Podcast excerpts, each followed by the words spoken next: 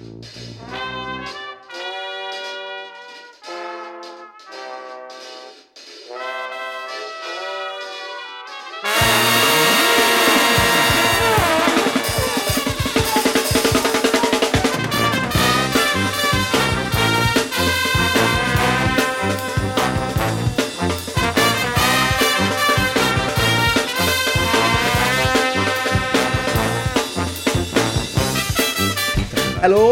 croeso i benod 23 o Sbeidiau Heilog gyda fi, Llywyd Owen.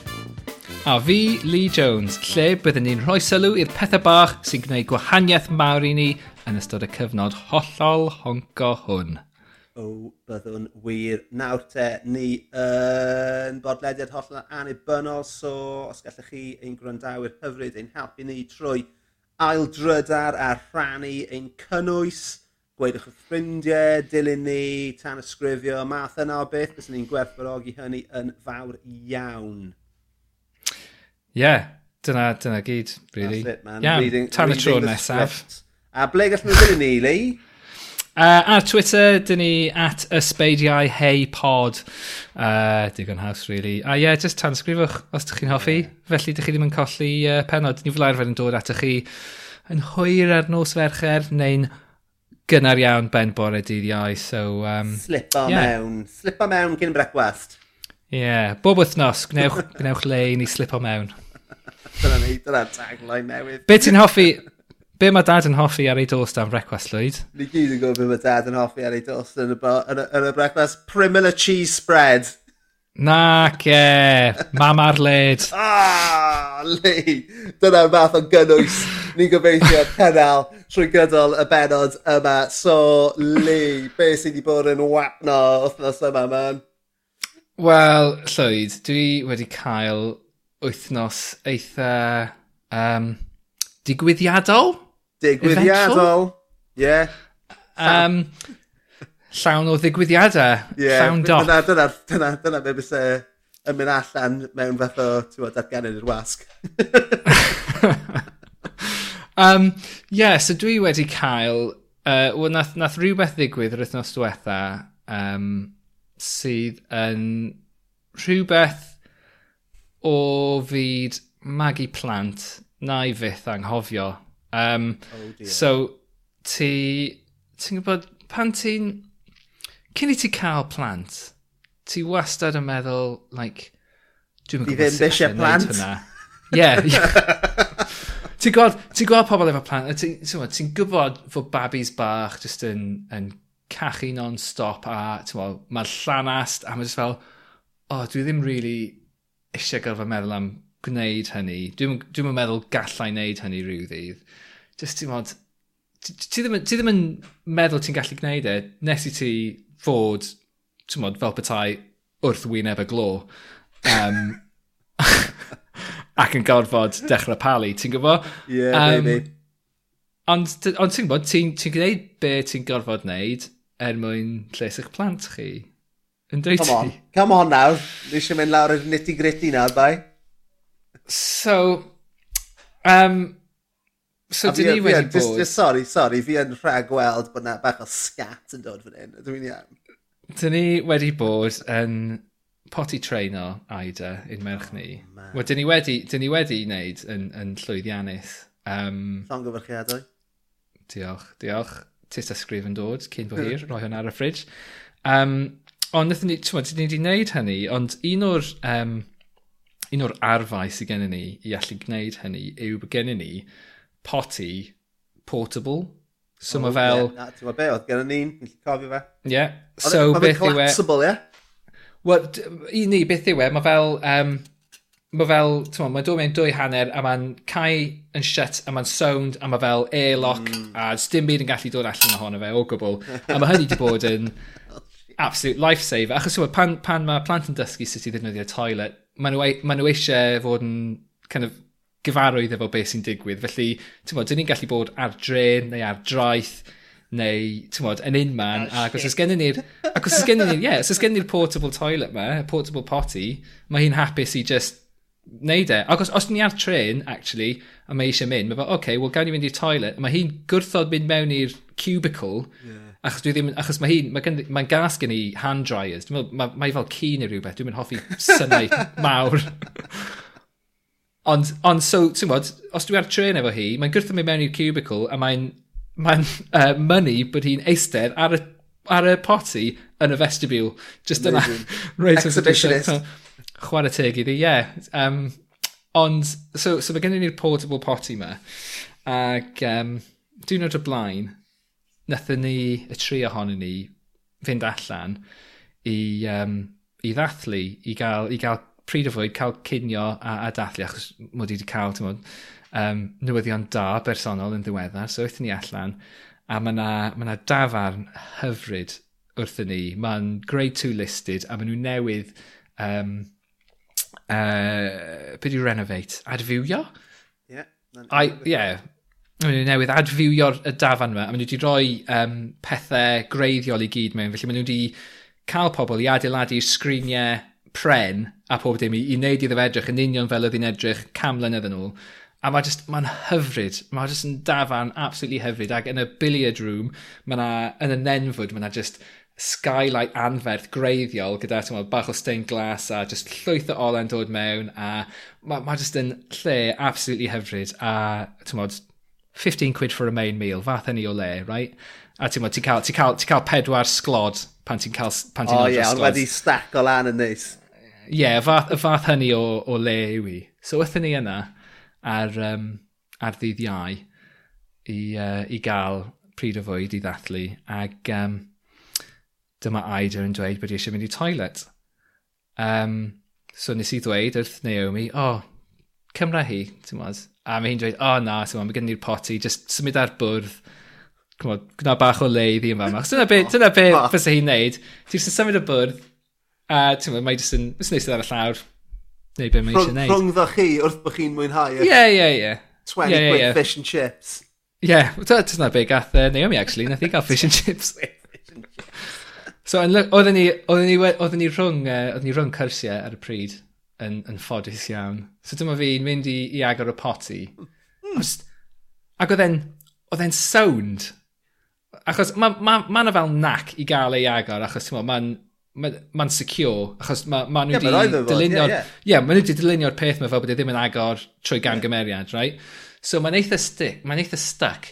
Ac i'n meddwl, o, oh, falle bod e just, ti'n falle bod e jyst tim bach yn lib o pan nes i uh, glanhau hi tro diwetha. Um, so, so oedd e wedi creu vacuum. Ond, o, so oedd angen tipyn bach mwy o elbow grease, so dwi'n fi'n rhoi tipyn bach mwy o elbow grease. A mae'r thing yn agor, ac achos y, y grim o agor e, achos oedd na, oedd na resistance. Uh, Beth yw resistance? Uh, gwrthiant. gwrthiant, oedd na, oedd na wrthiant. Diri. Achos y gwrthiant yma, pan o'n i agor e, uh, nath y lid agor yn sydyn, oh a mae'r ma pum eiliad nesa, oedd e fel slow motion. Oedd, achos, mae'r lid just yn agor, ac achos y nerth o agor y lid, mae cynhwysion y poti, ac o'n i ddim yn gwybod bod yna cynhwysion, oh, achos dydyn ni, dydyn ni heb fynd allan gyda'r poti am o leia pedair diwrnod. Oh, no fucking way. go on, go on, go on, mae'n obscene. o'n i'n gallu, o'n i'n gallu gweld e, o'n i'n gallu gweld e mid-e, o'n i'n gallu gweld y cawl frown o. Oh, ah, puppies dŵr puppies dŵr. Ac oedd e just yn hedfan yn slow motion a nath, nath, nath hanner ohono fe glanio ar yng nghoesi. nath yr hanner arall glanio'n syth ar y llawr, o'n i mor lwcus bod ni wedi symud y bwrdd i wneud lle i ddi eistedd ar y llawr, achos os doeddwn ni ddim, bys hwnna wedi bod dros y bwrdd i gyd. Ac uh, oedd e, e just fel, nes i a Naomi just rhewi a just syllu ar ein gilydd a just fel, oh my god, dwi'n methu fucking credu hwnna. Achos, be, beth oedd ynddo fe, o'n i, o'n i heb sawl, achos y tro diwethaf oedden ni fynd allan gyda'r poti, oedd pedwar diwrnod ynghynt, a nath Aida cael cachiad bach ynddo fe. Ond, dros, dros y pedwar diwrnod hynny, oedd y cachiad bach ma wedi troi yn hylif, cant y cant, hylif, dyna gyd oedd ynddo fe. A oedd, oedd ni, oedd, o'n i wedi mynd wedyn, nes i gymryd y, y poti i'r toilet i, i wagio fe. Um, ac yn y cyfamser, wrth i fi ddod nôl, mae, Naomi wedi gofyn i'r um, i pobl tu ôl i bar, dweud, o, oh, sgyn ti, sma, disinfectant spray, ie, yeah. mae jyst i bod yn sal, ie. Yeah. Honestly, oedd e'n stinko, oedd pawb, oedd rai bod pawb yna yn meddwl, be di'r ffucking ogle yna? Ti'n gofyn oedd e? Ti'n gofyn oedd e'r ogle? Be o'n nhw'n meddwl? O'n nhw'n meddwl, mm, oh, they've definitely got oh. stinking bishop here. Yeah.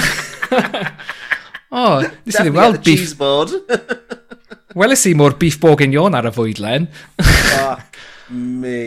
So dwi'n dod nôl a dyma, dyma tymod, llwyth o tymod, papur glas a disinfectant. A, a dyma fi'n glanhau beth dwi'n gallu. A cymryd wet wipes i gyd i'r toilet. A dwi'n dim bin yn y toilet yn dim byd. So mae'r ma, ma holl beth yn gorfod mynd yn y toilet. Toilet yn blocked. Pa i dweud wrth neb. Nethach chi just gadael wedyn. Na ni talu a fuck you off. Oh my god. Mae'n ymhen... Chi beth yn gallu mynd nôl fyna? Chi beth yn gallu mynd nôl fyna? Mae'n ymhen blwyddyn mis yma, a mae'n ma rhieni i'n dod lawr, ac o'n i eisiau mynd am ginio sil gyda nhw yna, achos ti'n modd, o, oh, diolch ar y pub hyfryd mae sydd wedi agor, ti'n modd, pum munud lawr y ffordd i ni. Achos pryn fod yna pubs yma, mae yna dwy pub yn agos i ni, ti'n meddwl, ti'n meddwl o le dyn ni'n byw, mae yna'n warthus. Yeah. Um, ond, ie, yeah, so, so dyn ni'n gallu cymryd fy rieni i fanna, am, no. achos byd nhw'n gwybod, mae'n siŵr, yeah, maen nhw'n gallu ni aros. Mae nhw'n really smelly hefyd. Achos mae'n rhaid i ni aros, mae'n rhi, ma rhi sydyn i ni fynd yn ôl na, dwi'n meddwl. Mae'n rhaid, i, um, ma rhaid i ti tyfu dy wallt yn hir, a mae'n rhaid i Aida tyfu o leia pum mlynedd oh, a cyn ti'n llun yn ôl. A mae'n rhaid i, mae'n rhaid i Naomi lliwio'i gwallt. Wel, oedd e'n oedd e'n ofnadau, achos oedd e'n gynnes iawn, so nath ni adael, ac o'n i allan wedyn am, ti'n bod, cwpl o oriau, yn, yn yr hael, yn, yr, yn y gres ma, a just, o'n gyd o'n i'n gallu ogle pan o'n i'n cedd yn ôl, oedd just ogle shit ar yn hwsys i.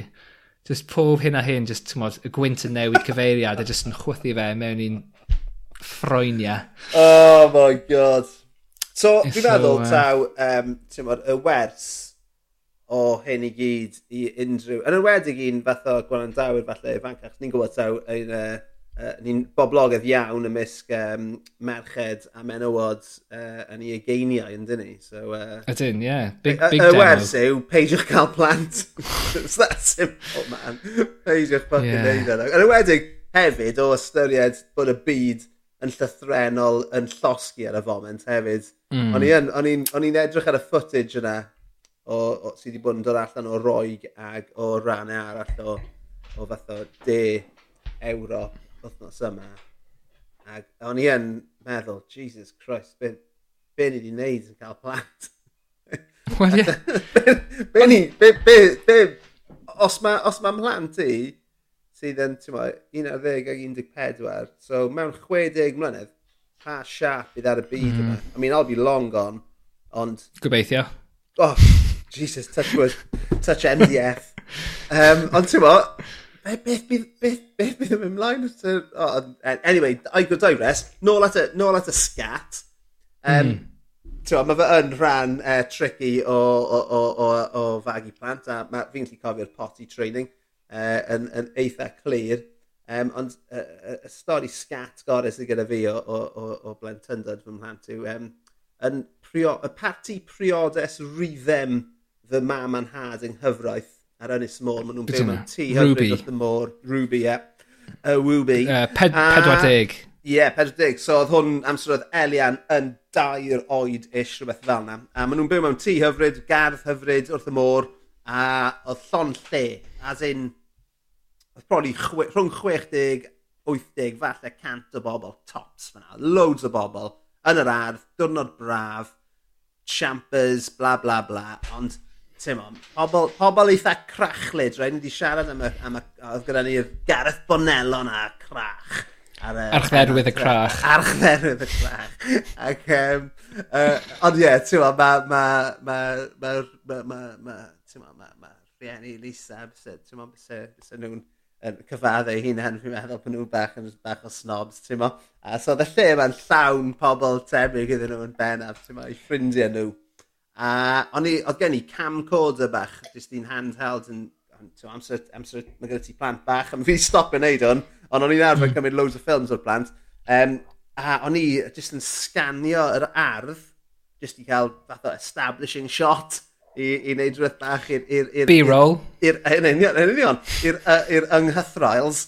A nes i, nes i weld uh, Elian uh, a'i chefneithau hi uh, Tiggy.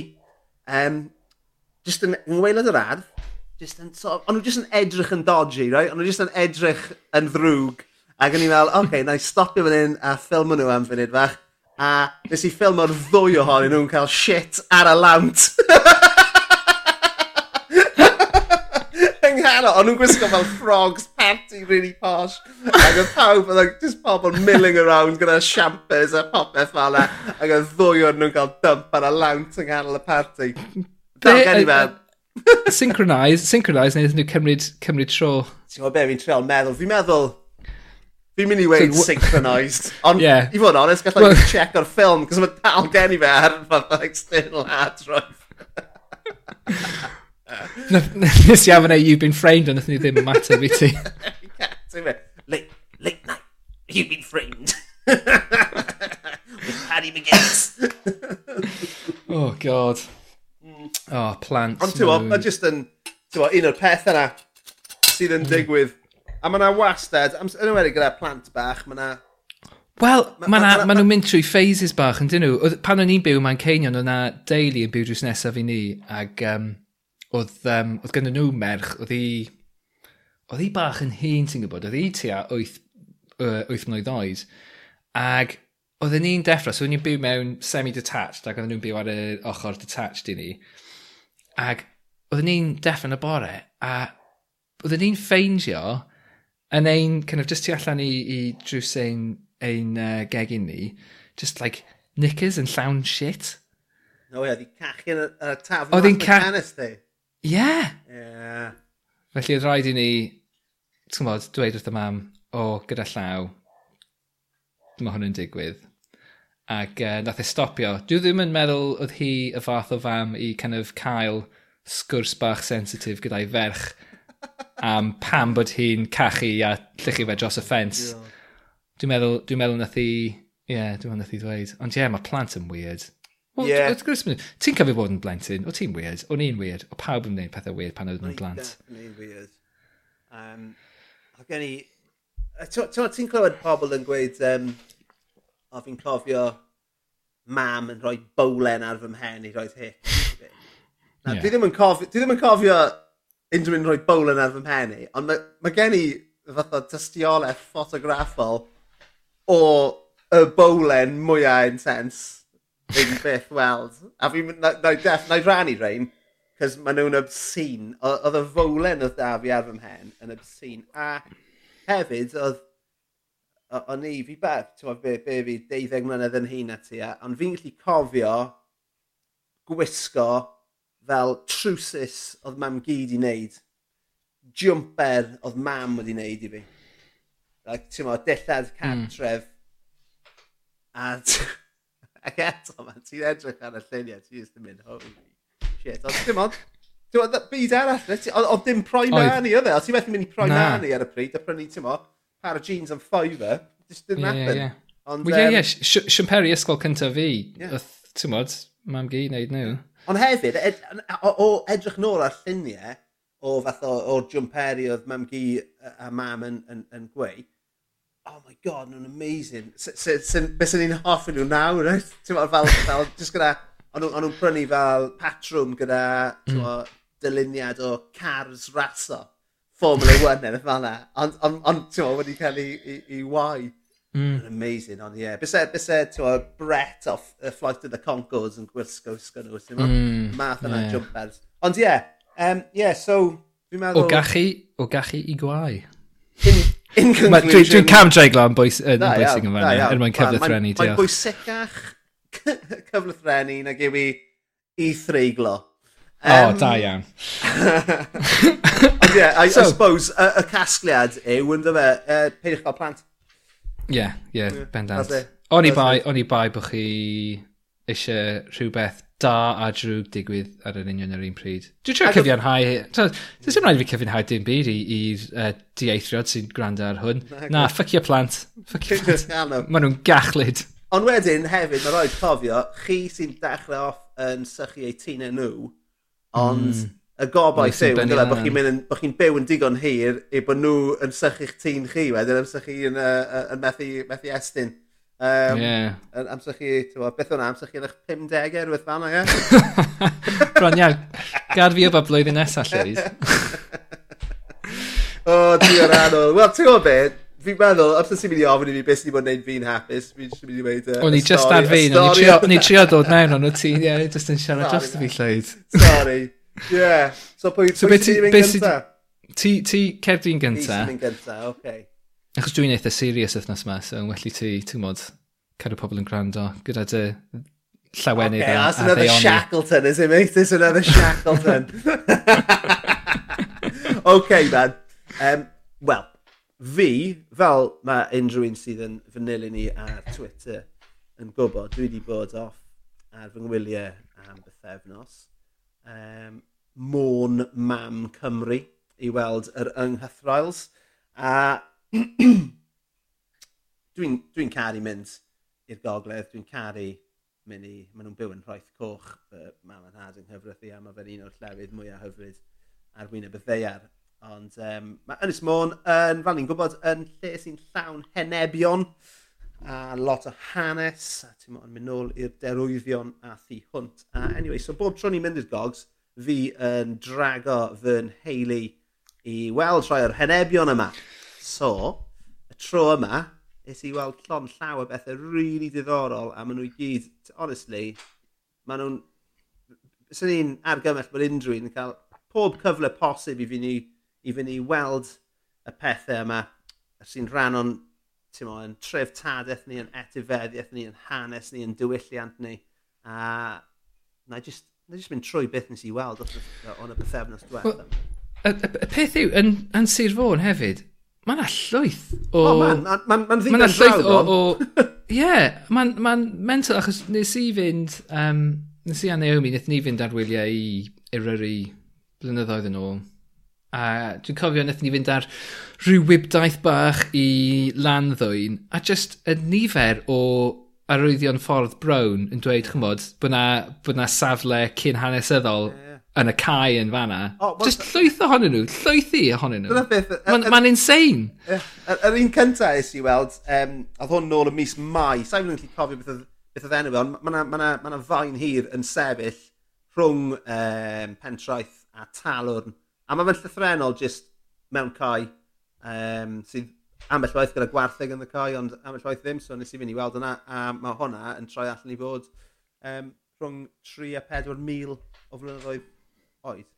A mae hwnna hwnna fath o tanio rhywbeth ynddo fi, so tro yma, anyway, so na i fynd trwy nhw. Tro yma, es i lan, a just fi a Lisa, o, oh, bach o, ti'n modd, romantic date lan i, uh, i gair gybi.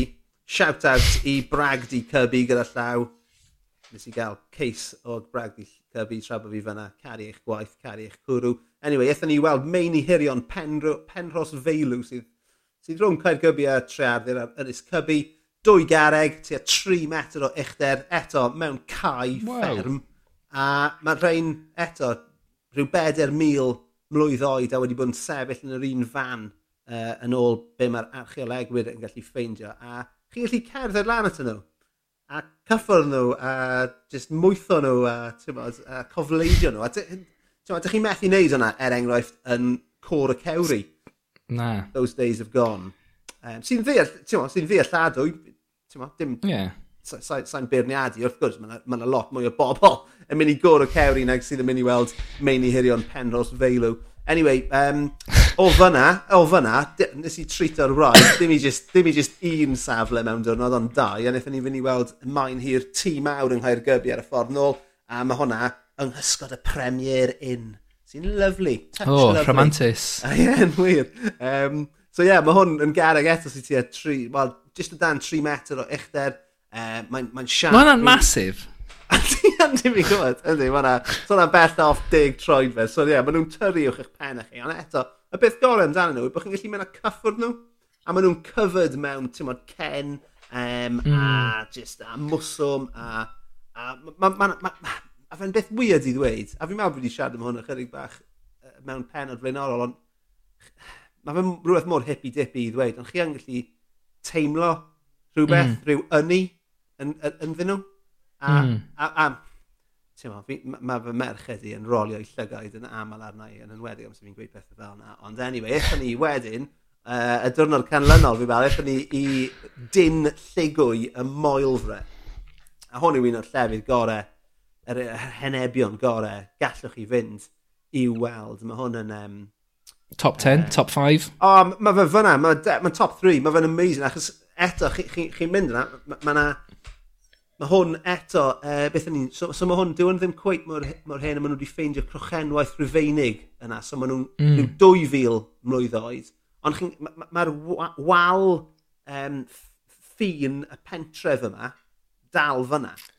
A mae ah. um, ma, ma, ma, ma, ma seiliau um, rhyw pedwar tŷ, dau petrial a dau crwn yna. A chi'n gallu gweld um, ble bys y drysau ti'n gallu gweld fath o'r, y meini hirion wow. sy'n neud y drws. Um, a chi hefyd yn gallu gweld lle, uh, mae yna enghreifftiau o lle mae'r cerig yma, 2000 o flynedd yn wedi cael ei torri gan rhyw fath o lif hanafol. Wow. Twa, ti, so ti'n gallu gweld yeah, lle yeah, mae yeah. dyn, ti'n gwybod, cyn deidiau ni wedi trin y creigiau yma. Mewn ffordd, wow. ti'n gwybod, pan bynnag uh, mor, um, mor gyntefig. Ond eto, man, o'n i, on i fyna yn o'n i methu credu. A fi wedi bod na'r blaen, ond nath e ddim effeithio fi yn yr un ffordd samel. a, a, a falle achos bod y plant bach yn hun a maen nhw'n deall, a fi eisiau rhannu'r peth yma, ond y gwir yw, they couldn't give a shit. Um, ond ie, yeah, ond ie, mae dim, dim digwydd eh, yn anhygol. Beth am Lisa, dy hi'n uh, eh, dy hi'n hoffi meini heidi well, o'n o gwbl, neu... Wel, mae'n hoffi un. Ond... llwyth, llwyth o fosog yn tyfu ar hwnna, yn ôl y sôn. um, National Trust i stopio na, pobl cael. Mae ma, Lisa yn rhoi lan gyda lot o bethau mewn perthynas gyda fi a mynd i weld um, henebion random yw un ohonyn nhw. Ond ti'n ma, obviously, mae'n ma, ma anodd fel oedolyn, reit? I mean, fi'n gallu cofio mynd i, i weld pethau fel un, pethau tebyg gyda'n rhieni. Mm. A amser o'n un yn arddegau a meddwl, mae hwn yw'r peth mwy o boring fi beth wedi gweld yn y mywyd, beth yw'r pwynt. Um, a so fi'n deall hynny, ond fel, yeah. fel oedolion, reit, chi'n gallu gwerthfawrogi hanes, reit? Um, so ie, yeah, mae ma, ma, ma, ma, ma Lisa, ti'n ma, sa'n gwrs, dwi ddim yn mwynhau nhw cymaint o fi, ond... Uh, Dwi ddim yn gwybod, ond un adolyg fi yn mynd i uh, brynu taith dywysiedig gan Rhys Mwyn iddi fel prif anreg hi. So uh, look out for that. Um, oh, amazing. Dyn ni hoff, ydy hi'n hoffi'r anrefn? Sa'n fel bod ni beth wedi clywed yr anrefn. so yeah, anyway, just nesaf... So, did... so dwi ddim yn hoffi'r anrefen, dwi ddim yn hoffi hanes, ond dyna beth i ti cael iddi. Ond fi, yeah, fi right. sydd eisiau... Nice llwyd. Just fi sydd eisiau taith dewisiedig gyda Rhys Mwyn, man. Yeah. Um, so anyway, yeah, drws like dyn lligwy, mae siambr gladdu lligwy, a mae'r siambr gladdu yma yn immens, right? So mae na...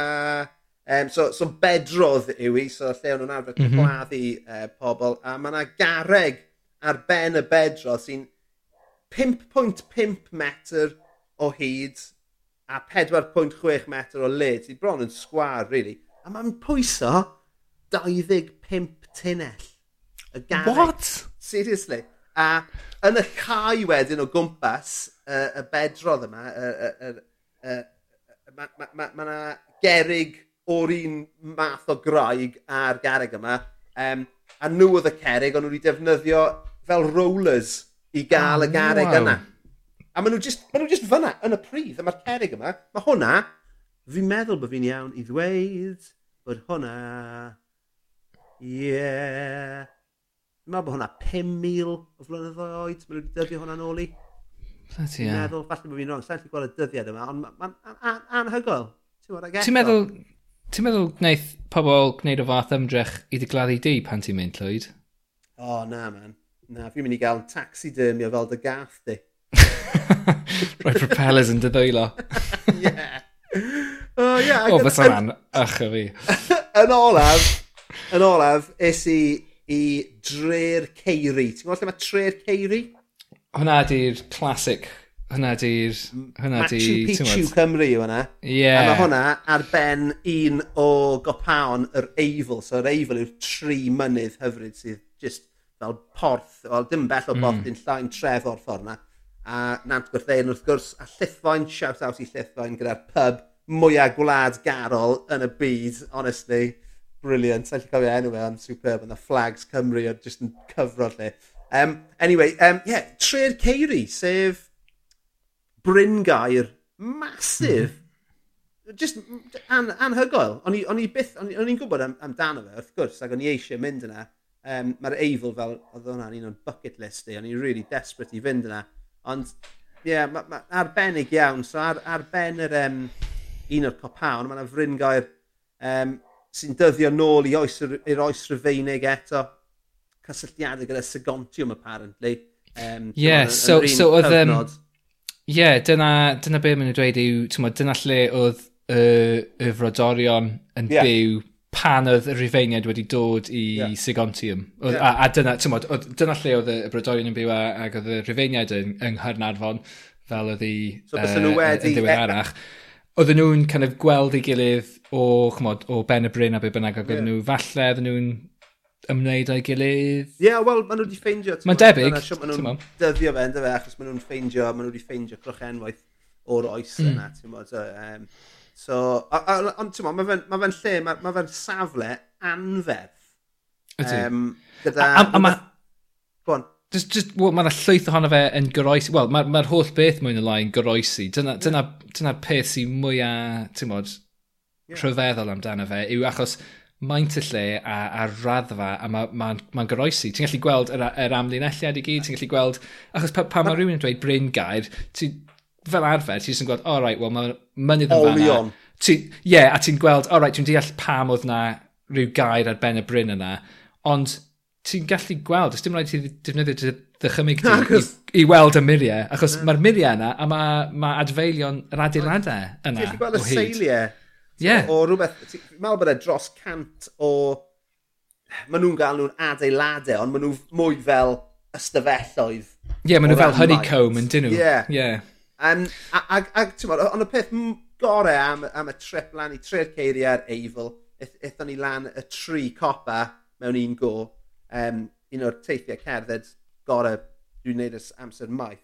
Oedd y golygfeidd o'r top, dim gair o gelwydd, o ti'n gallu gweld lan i, i gair gybi, mm -hmm. o ti'n gallu gweld pob copa eryri, Hyfryd. Ti'n gallu gweld lawr, o ti'n gallu gweld lawr i Abereiron yn uh, dros bai Ceredigion.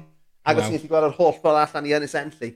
Literally wow. 360, y golygfeidd gorau, a braidd neb yn cerdded yna. Nethon ni, oh, ni gerdded... gyd ar y wyfa. Yn union, yn union. Ond mae hon, ti'n ma, hidden mynydd, gem. Mynydd Gymreig i Gymru Cymraeg. Dyna fel, a dyna fel dylse hi fod. dyna hi, dyna hi. Ond ie, yeah, so dyna beth sy'n gwneud fi'n hapus um, yw hen shit o Gymru.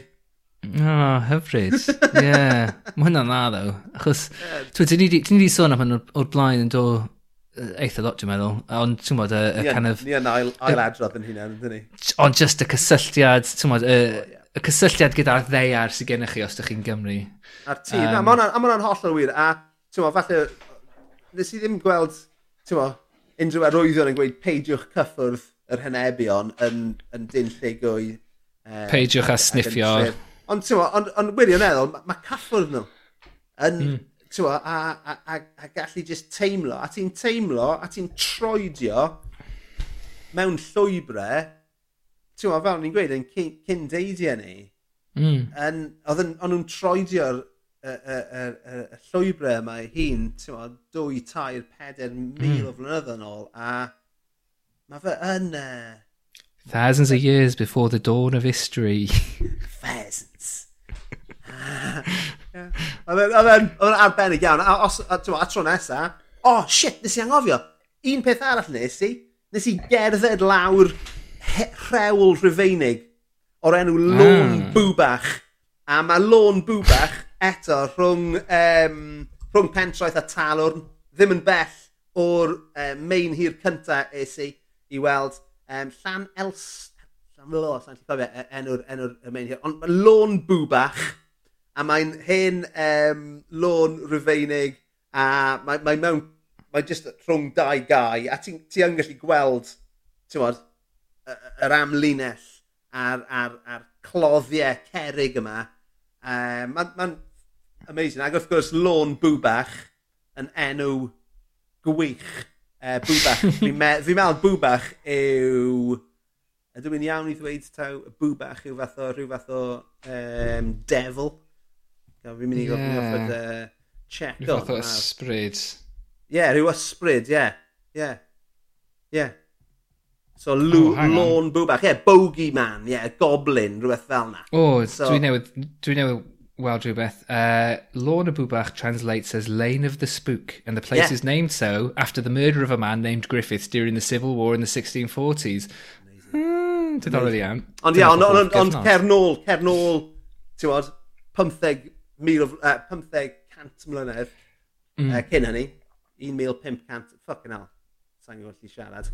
Ond ie, yeah, so oedd hi'n lôn rhyfeinig, a wedyn oedd hi'n lôn oedd yn cysylltu un o'r plastau gyda'r eglwys, ac wrth gwrs mae nawr uh, hefyd yn ymwneud gyda llofruddiaeth a uh, ellill a ysbrydion. Ond ie, yeah, loads cool. hanes ym hobman yn, uh, yn, uh, yn Ynys Môn. Absolutely caru. Yeah.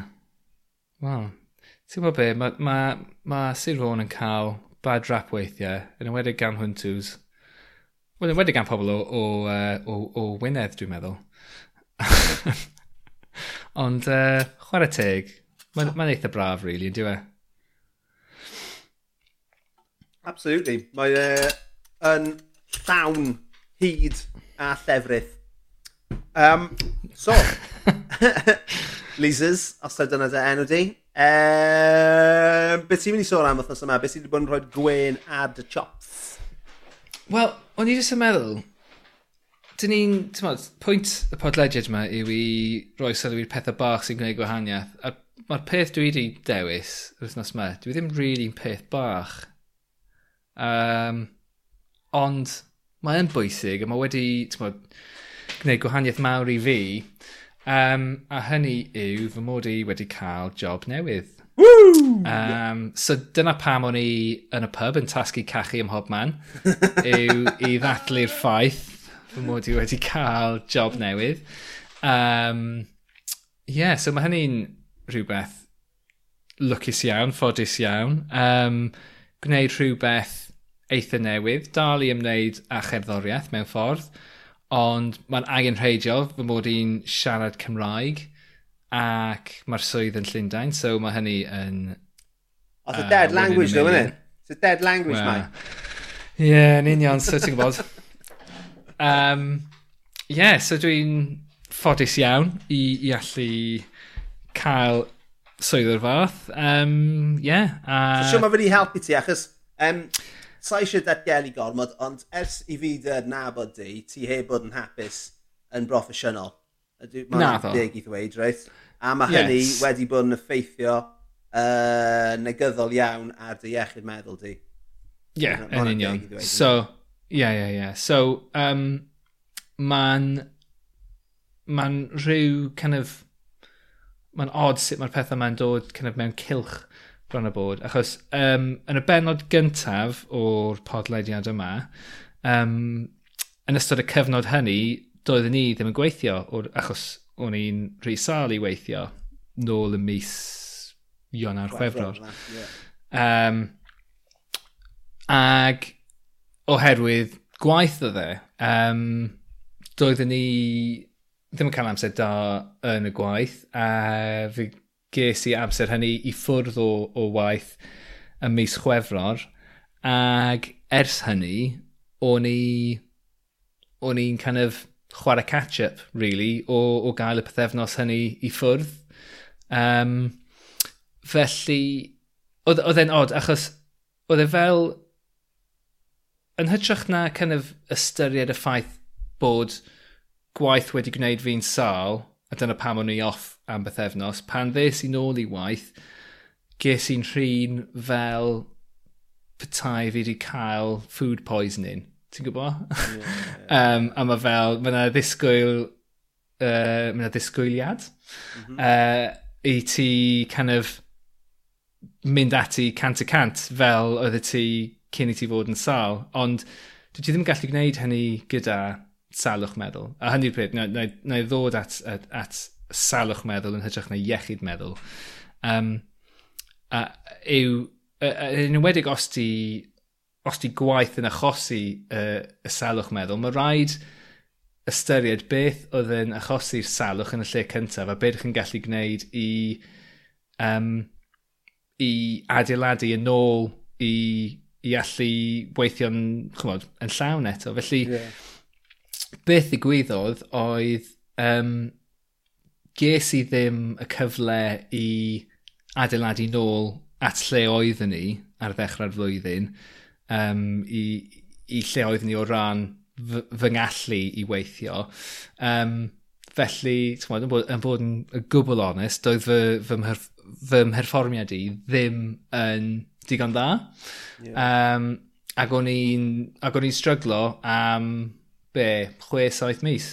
Um, a dros y uh, dwy fus diwetha, o'n i wedi cael fy sign off gan y doctor eto dwywaith eto, dwywaith yn rhagor. Um, ac o'n i just, o'n i just yn desperate i cyrraedd nôl i mewn i waith, ond um, oedd e'n teimlo fel fy mod i ddim yn cael fy ngrando arni. A, a mae'n ma her achos o'n i'n gweithio i, i gwmni eitha mawr a, a ti'n disgwyl yn y fath le bod ti'n cael bod na strwythurau yna i dy gefnogi di ac i dy allu um, helpu di i, i, i, i cael nhw mewn i waith. Achos ti'n modd, bon, mae yna llwyth o bobl yn gweithio yma, mae salwch meddwl yn eitha cyffredin, so siŵr o fod mae yna strwythurau mewn lle i galluogi pobl i, i ddod nôl i waith. Ond be dwi wedi dysgu o'n i, o'n i wastad yn ama, ond mae ma di, ma di fod yn glir iawn i fi dros y misoedd diwethaf yw fod na wahaniaeth mawr rhwng iechyd meddwl a salwch meddwl. Na'r mae ma adran uh, adnoddau dynol cwmnïau, e, maen nhw gyd yn fawr iawn ar iechyd meddwl, mindfulness. That's the thing, yma. Wel, yn union. a chymod, mae gan, ma gan pawb iechyd meddwl Yeah. A mae rhaid, mae rhaid i pawb, mae rhaid i bawb ystyried eu iechyd meddwl nhw a, a chymod, a llesu eu iechyd meddwl nhw a, a, a cadw iechyd meddwl yn iach, iawn. Mae ma hynny jyst yn ffaith, a mae pawb yn deall hynny. A dros y, y ddegawd neu ddau diwetha, mae na... Mae pobl di gweithio i allu sôn am y pethau yma mwy, ond y gwahaniaeth rhwng iechyd meddwl a salwch meddwl, like, mae hwnna yn anferthol. Um, so, so mae pawb, mae gan pawb iechyd meddwl a mae pawb, mae gan pawb yr allu i deimlo'n stressed, i deimlo'n isel ag um, chmod, i, i deimlo llwyth o emosiynau gwahanol. Ond salwch meddwl yw pan dydych meddyliau chi neu'ch emosiynau chi ddim yn weithredu yn y ffordd cywir. Um, a, a mae hynny yn hollol wahanol i iechyd meddwl, achos ydych chi'n gallu, ydych chi'n gallu bod yn mindful, a ydych chi'n gallu, um, ydych chi'n gallu fod yn, ydych chi'n gallu rationalisio pethau o ran iechyd meddwl chi, ond os ydych chi'n sal, os ydych chi yn lythrenol yn, yn ddioddef o, o salwch meddwl, dydych ymenydd chi ddim yn gallu gwneud y pethau hynny. Dydych, dydych chi ddim na. yn gallu... Um, Does dim dydych chi... reolaeth gyda ti dros hynny? Na, na, yn union. Dyna'n union beth ni'n trio dweud. Dydd gen i ddim rheolaeth dros fy, uh, dros fy ngeirfa uh, yn fanna. ond, uh, ond ie, yeah, ond dyna'r thing. Does gennych chi ddim rheolaeth dros pethau fel chymryd y ffordd ydych chi'n ymateb i bethau o ran eich emosiynau a, um, a, a, a pethau fel yna. Ac um, ti'n gwybod, mae ma, ma pawb, ma pawb yn hapus i gefnogi iechyd meddwl, ond dydyn nhw ddim yn barod, neu dydyn nhw ddim yn gyfarwydd gyda salwch meddwl a sut i helpu bobl sydd yn dioddef o, o, yeah. o salwch meddwl. Ti'n gwybod? A, achos mae salwch meddwl, mae salwch meddwl yn fler a mae'n ma rhoi straen ar perthnasau, boed nhw'n uh, perthnasau proffesiynol, romantis, perthnas, uh, chymod, ffrindiau neu be bynnag. Chymod, mae di bod... Dyn ni, chymod, fi a Naomi, dyn ni di bod dan straen aruthrol dros y chwe mis diwetha. Um, chymod, llwyth o rhesymau, ond un o'r rhesymau mawr, achos mod i wedi bod yn sal, a chymod, i ryw raddau, ddim yn tynnu mhwysau. Um, a, ti'n mae'r ma peth yma, dyn nhw ddim yn Tymod, does dim ots os oes gan gwaith um, tan ysgrifiad am ddim i fi ar gyfer um, app sy'n helpu chi i meditatio, achos di hwnna ddim yn, di hwnna ddim yn gwneud gwahaniaeth i ti pan ti'n wirioneddol sal a, a methu ffocysu ar dim byd. Um, ti wedi cael so, yeah. diagnosis yn ystod y cyfnod hwn hefyd? Uh, na ddo. Nid, wel, nid un newydd, uh, nid eto. um, ond um, dwi wrthi um, yn kind of mynd trwy'r waiting list gyda'r gwasanaeth iechyd a pob dim. Um, a ie, yeah, chmod, mae ma, ma hygyrchedd at wasanaethau iechyd meddwl yn sal yn Lloegr a dwi'n dychmygu yr un fath yng Nghymru hefyd. Achos dydy... Chymod, dydy'r... Um, dydy'r gwasanaeth yma ddim yn cael ei gweld fel, fel blaenoriaeth. Wel na, gethon nhw, torri yn llwyr. Um, Tewa, dyn nhw jyst ddim yn bodoli i'r rhan fwyaf. Er, um, fel, tewa, fel, fel mae'n mae ma, ma, ma fy ngwraeg i Lisa'n gweithio i'r uh, gwasanaeth iechyd gwladol a mae gen i, ti'n gyda nabod lot o bobl sydd yn, um, sydd yn dioddef gyda salwch meddwl go iawn a mae'r adnoddau a'r gwasanaethau oedden nhw'n gallu cael mynediad at mm. 15-10 mlynedd yn ôl, dyn nhw jyst ddim yn bodoli nawr. Na. Ar, unig ffordd, ar unig ffordd i chi'n mynd i gael cymorth trwy'r NHS yw os ych chi yn peri perygl yeah. i unau chi eich hunan neu rhywun arall. Neu bobl eraill. Os yeah. chi fel ti, ti yeah. mo, yn, yn, yn gallu delio gyda fe mewn amryw ffyrdd a goroesi um, y, mm. y, y, y penodau yma, um, ti'n ti, ti, uh, dioddef, dy ti ddim yn mynd i gael dy weld am ddeunaw mis. Na, na, yn union. A, a, a, a dyna'r thing wedyn yw, achos y diffyg adnoddau i, i ddelio gyda'r peth yma. Fel ti'n dweud, dim ond achosion bris a achosion argyfwng yeah. sy'n gallu cael ei, sy'n gallu cael ei thrin. Yeah. A, a, felly wedyn, pan mae yna bobl gyda anghenion llai bris neu llai cymleth, um, dydyn ni ddim i ddweud, ti'n bod, bod y peth yma ddim yn gymleth, ond chymod, llai cymleth na chymod, pobl sy'n sy, sy mewn peryg. Oherwydd hynny, does na ddim adnoddau wedyn. Mae'r ma, ma, ma pobl sydd yn gweinyddu ac, ac yna i, i roi cymorth i bobl sy'n sal, mae gennym nhw sgiliau i allu weithio gyda pobl sydd mewn ar gyfwng. Does gennyn nhw ddim, does na ddim uh, yr adnoddau a does, does ddim y, y, y sgiliau i, i ddelio gyda pobl sydd ddim o reidrwydd mewn ar gyfwng iechyd meddwl. Yeah. Um, Ac wrth gwrs, fel ni'n gwybod, Lee, mae pob achos unigol yn hollol unigryw. I mean, fi'n gwybod bydd na, bydd na elfennau falle sydd yn debyg, ond mae pob achos yn wahanol i'r achos sydd wedi dod cyn mm. neu ar ôl yn dyfa. Um, e? yeah, a dyna yeah. pam, does na ddim, does na ddim datrysiad one size fits all os e.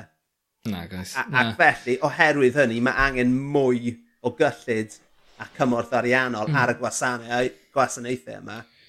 Yeah. Ond dim dyna beth sy'n yeah. digwydd. Na, a, a, a, a, a dwi'n ffodus iawn oherwydd dwi wedi bod yn sal droion dros y blynyddoedd a dwi nawr mewn lle lle dwi'n deall yr early warning signs a dwi'n gwybod beth sydd yn helpu fi. Mm. Felly dwi'n gallu, dwi gallu mynd at ddoctor pan dwi'n sal a, a dweud, um, chwa, mynd, mynd at y GP a dweud, chwa, hyd yn oed os dwi heb byth siarad gyda'r GP mor blaen, dwi'n gallu dweud, dyma fy hanes, dyma beth sydd wedi gweithio o'r blaen, a dyma sut dwi'n teimlo ar hyn o bryd, ydych chi'n gallu gwneud hyn i helpu fi? A maen nhw'n mynd, yeah, fine, great. A maen nhw'n hapus i wneud hynny. A, a, a fel ti'n dweud, achos mae pob achos yn unigryw, i fi, mae kind of, cymryd cama i, i edrych ar ôl fy hun ac i, i, i ffeindio um, ddatrysiad, mae ma, ma cymryd y cama hynny yn... Mae fel placebo effect i fi ti'n gwybod, yn, yn mwy, mwy na mae ma unrhyw meddyginiaeth, mae'r ffaith bod fi'n gofyn am meddyginiaeth a, a gwybod bod fi'n cymryd e, mae hwnna'n helpu fi lot mwy. Dwi'n meddwl na, na unrhyw effaith mae'r meddyginiaeth yn cael ei hun. Ond, ond dyna, dyna beth sy'n gweithio i fi, ond dwi'n ffodus iawn, fel, fel ni'n dweud, fy mod i'n... Dwi wedi bod na'r blaen a dwi'n deall beth sy'n digwydd a, a, a mae gen i'r geirfa a, a a'r gallu i esbonio beth sy'n digwydd i ddoctor fel bod nhw'n gallu rhoi'r cymorth dwi angen. A'r cymorth dwi'n gwybod sy'n gweithio i fi. Mm. Ond ti'n gwybod, os, os mae'n digwydd i ti am y tro cyntaf, neu os dys, gen ti ddim y, y, yr eirfa, um, a, a ti ddim yn deall sut i ofyn, sut, achos dyna'r thing, pawb yn dweud, o, oh, os ti angen help, just gofyn am help. Ond sut wyt ti'n gofyn am help? Mm. Be ti'n be ti neud? Be ti'n dweud wrth rhywun? Ti'n gwybod, mae hynny, ma hynny'n rhywbeth sydd, sydd ddim yn cael ei, ei ddweud. A, uh, ti'n gwybod, mae ma, ma lot ohono fe yn kind of, o hyd mae'n cael ei, o, o ran salwch meddwl, mae pethau'n cael ei siarad amdano nhw mewn ffordd eitha kind of cyfrwys ac innuendo, ti'n gwybod? Achos dyn ni'n, ni, pan dyn ni'n siarad nawr, dyn ni'n siarad gyhoeddus, ni'n dweud, o, oh, dwi wedi teimlo'n isel, neu ti'n bod, uh, a be bynnag. Dyn ni ddim yn dweud, o, oh, ie, ie, ie, oedd rhaid i fi wneud galwad ffôn ac o'n i'n crio am 10 munud, achos o'n i ddim yn gallu gwneud it. Ni ddim yn, ni ddim yn sôn am hynny, nag ni. Achos, achos mae hynny, mae hynny'n rhy fler, a mae'n rhy real, a, a di pobl ddim eisiau gwybod am hynny. A, a thing yw, os o'n i'n dweud y pethau hynny, Um, dwi ddim eisiau i bobl poeni amdano fi, achos mae'n, chmo, pethau fel yna, mae jyst yn rhan o'r cyflwr, a dwi'n gallu delio efo hynny, ond os dwi'n mynegu'r syniadau fel yna, neu syniadau chmo, gwaith na hynny yn uchel, mae pobl yn gallu poeni, achos di pobl ddim deall, o, oh, oce, okay, mae hynny'n ma hynny rhan ohono fe, ti'n gwybod? A, a, a mae'n iawn, Tymod, mae, tymod, does dim rhaid poeni. Obviously, di ddim yn dda, di ddim yn rhywbeth neis, ond di hynny ddim yn arwydd o, tymod, bod fi pum munud i ffwrdd o llychio nghachu dros y tafan. uh. so, ydy, dy, ti'n ers, ers, ers sicrhau'r swydd newydd yma, a gwybod bod ti'n mm. dechrau, fi'n meddwl bod ti'n dechrau mewn cwpl o wythnosau, ti wedi yeah. gadael y job mm -hmm. o ddim yn dda i dy iechyd meddwl di. Yeah. A ti nawr yn gallu edrych mlaen tymod, at ddyfodol cad, mwy cadarnhaol. Um, mm -hmm. A tymod, ydy hwnna, tymod, yn syth, ydy hwnna wedi cael effaith gadarnhaol arno ti? Bys ti'n meddwl fod hi, ond dwi ddim wedi cael yr effaith mor clir a hynny. Ydy um, achos bod yna fath o pethau dal yn drag ymlaen ychydig bach o dy... De o'r hen job rhywfaint, ond beth, dwi'n meddwl, o'n i'n, o'n i'n meddwl am hwn yr wythnos diwetha, achos o'n i, o'n i just, o'n i'n exhausted, o'n i ar yn hun wythnos diwetha. Ond fall, falle oedd hynny rhywbeth i wneud, ges i fy, chymod, ail frechiad frechlin wythnos diwetha, um, so falle o'n i wedi blino efo hynny, ond mae'n teimlo fel, um, mae fel, dwi wedi cael fy traumatisio rhywfaint gan y, um, yr amodau yn y swydd yma. Felly dwi o hyd yn kind of gorfod... Mae'n tyfu fel dwi dal i brosesu hynny. A oherwydd mae gen i y, y lle yna nawr, lle dwi ddim yna, dwi ddim yn gorfod mynd yn ôl, nawr mae gen i lle i actually prosesu hynny ag ystyried, o oh, ie, yeah, dyma beth oedd yn digwydd, um, a ti'n iawn i deimlo fel wyt ti, a ti'n ddiogel nawr, jyst dim rhaid i ti fynd nôl fath o beth. A mae'n teimlo, twm, mae hynny, mae hynny'n cymryd eitha lot i kind of cymryd lan. Mae'n teimlo, twm, mae fel, um, mae, pan, pan ti'n newid job, unrhyw job, mae fel kind of break-up mewn perthynas, yn diwy. Um, a mae hwn wedi bod yn break-up flair. Um, chmod. uh, a ti'n gwybod, mae yna mynd i fod rhyw chwerwder a teimladau cryf dros y peth am spel. A dwi'n derbyn hynny, ond beth bydd yn digwydd yw um, dros amser, yn ymwedig unwaith dwi'n dechrau job newydd, na i feddwl llai am sut oedd pethau a tymod, rhyw ben, falle mewn 6 mis, 19 mis, 2 mlynedd, 3 mlynedd, be bynnag, bydd yn cyrraedd rhyw bwynt a na i feddwl i fy hun, o, ti'n cofio pan oedd ti'n teimlo fel hwn am yr hen job na? A fel, god, oedd ni'n oedd ni'n amser hir yn ôl yn doedd. Ie, yeah, oedd ti'n teimlo fel hwnna bob dydd ar ôl i ti adael, ond ti'n well na, rydw ti heb feddwl am, am y job na, am, am 19 mis neu be bynnag. A so, fe, fe, ddaeth, fe, fe ddeith y diwrnod hynny.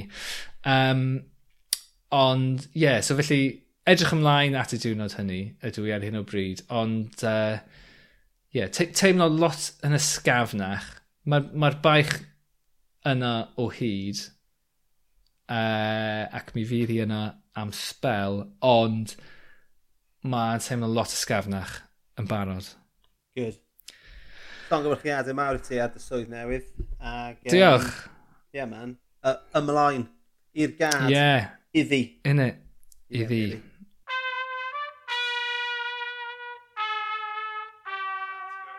Uh, diolch i chi am rando. Diolch yeah, am rando yeah, ar hynny. Os, os ydych chi wedi cael eich effeithio gan y materion yn y benod yma, um, mae yna wefan ar gyfer pobl sy'n cael eu cachu gan eich plant. Uh, www.plantyncachu.cymru uh, Defnyddiwch y cod llwyd Ali i gael 10% off eich uh, browser. Um, dwi di, dwi di mynd, dwi di mynd na llwydd. Dwi'n colli'n lloyd. Diolch i chi gyd am rhan, mae'r ma, DJ proffesiynol yn ymlaen nawr. Diolch i chi gyd am uh, rando. Uh, Cofiwch chi dan ysgrifio i rannu i ail drydar ac i'n dilyn ni ar ysbeidiau heipod. Tan y tro nesaf, tati bai. Hwyl fawr. O, mae'r gath me.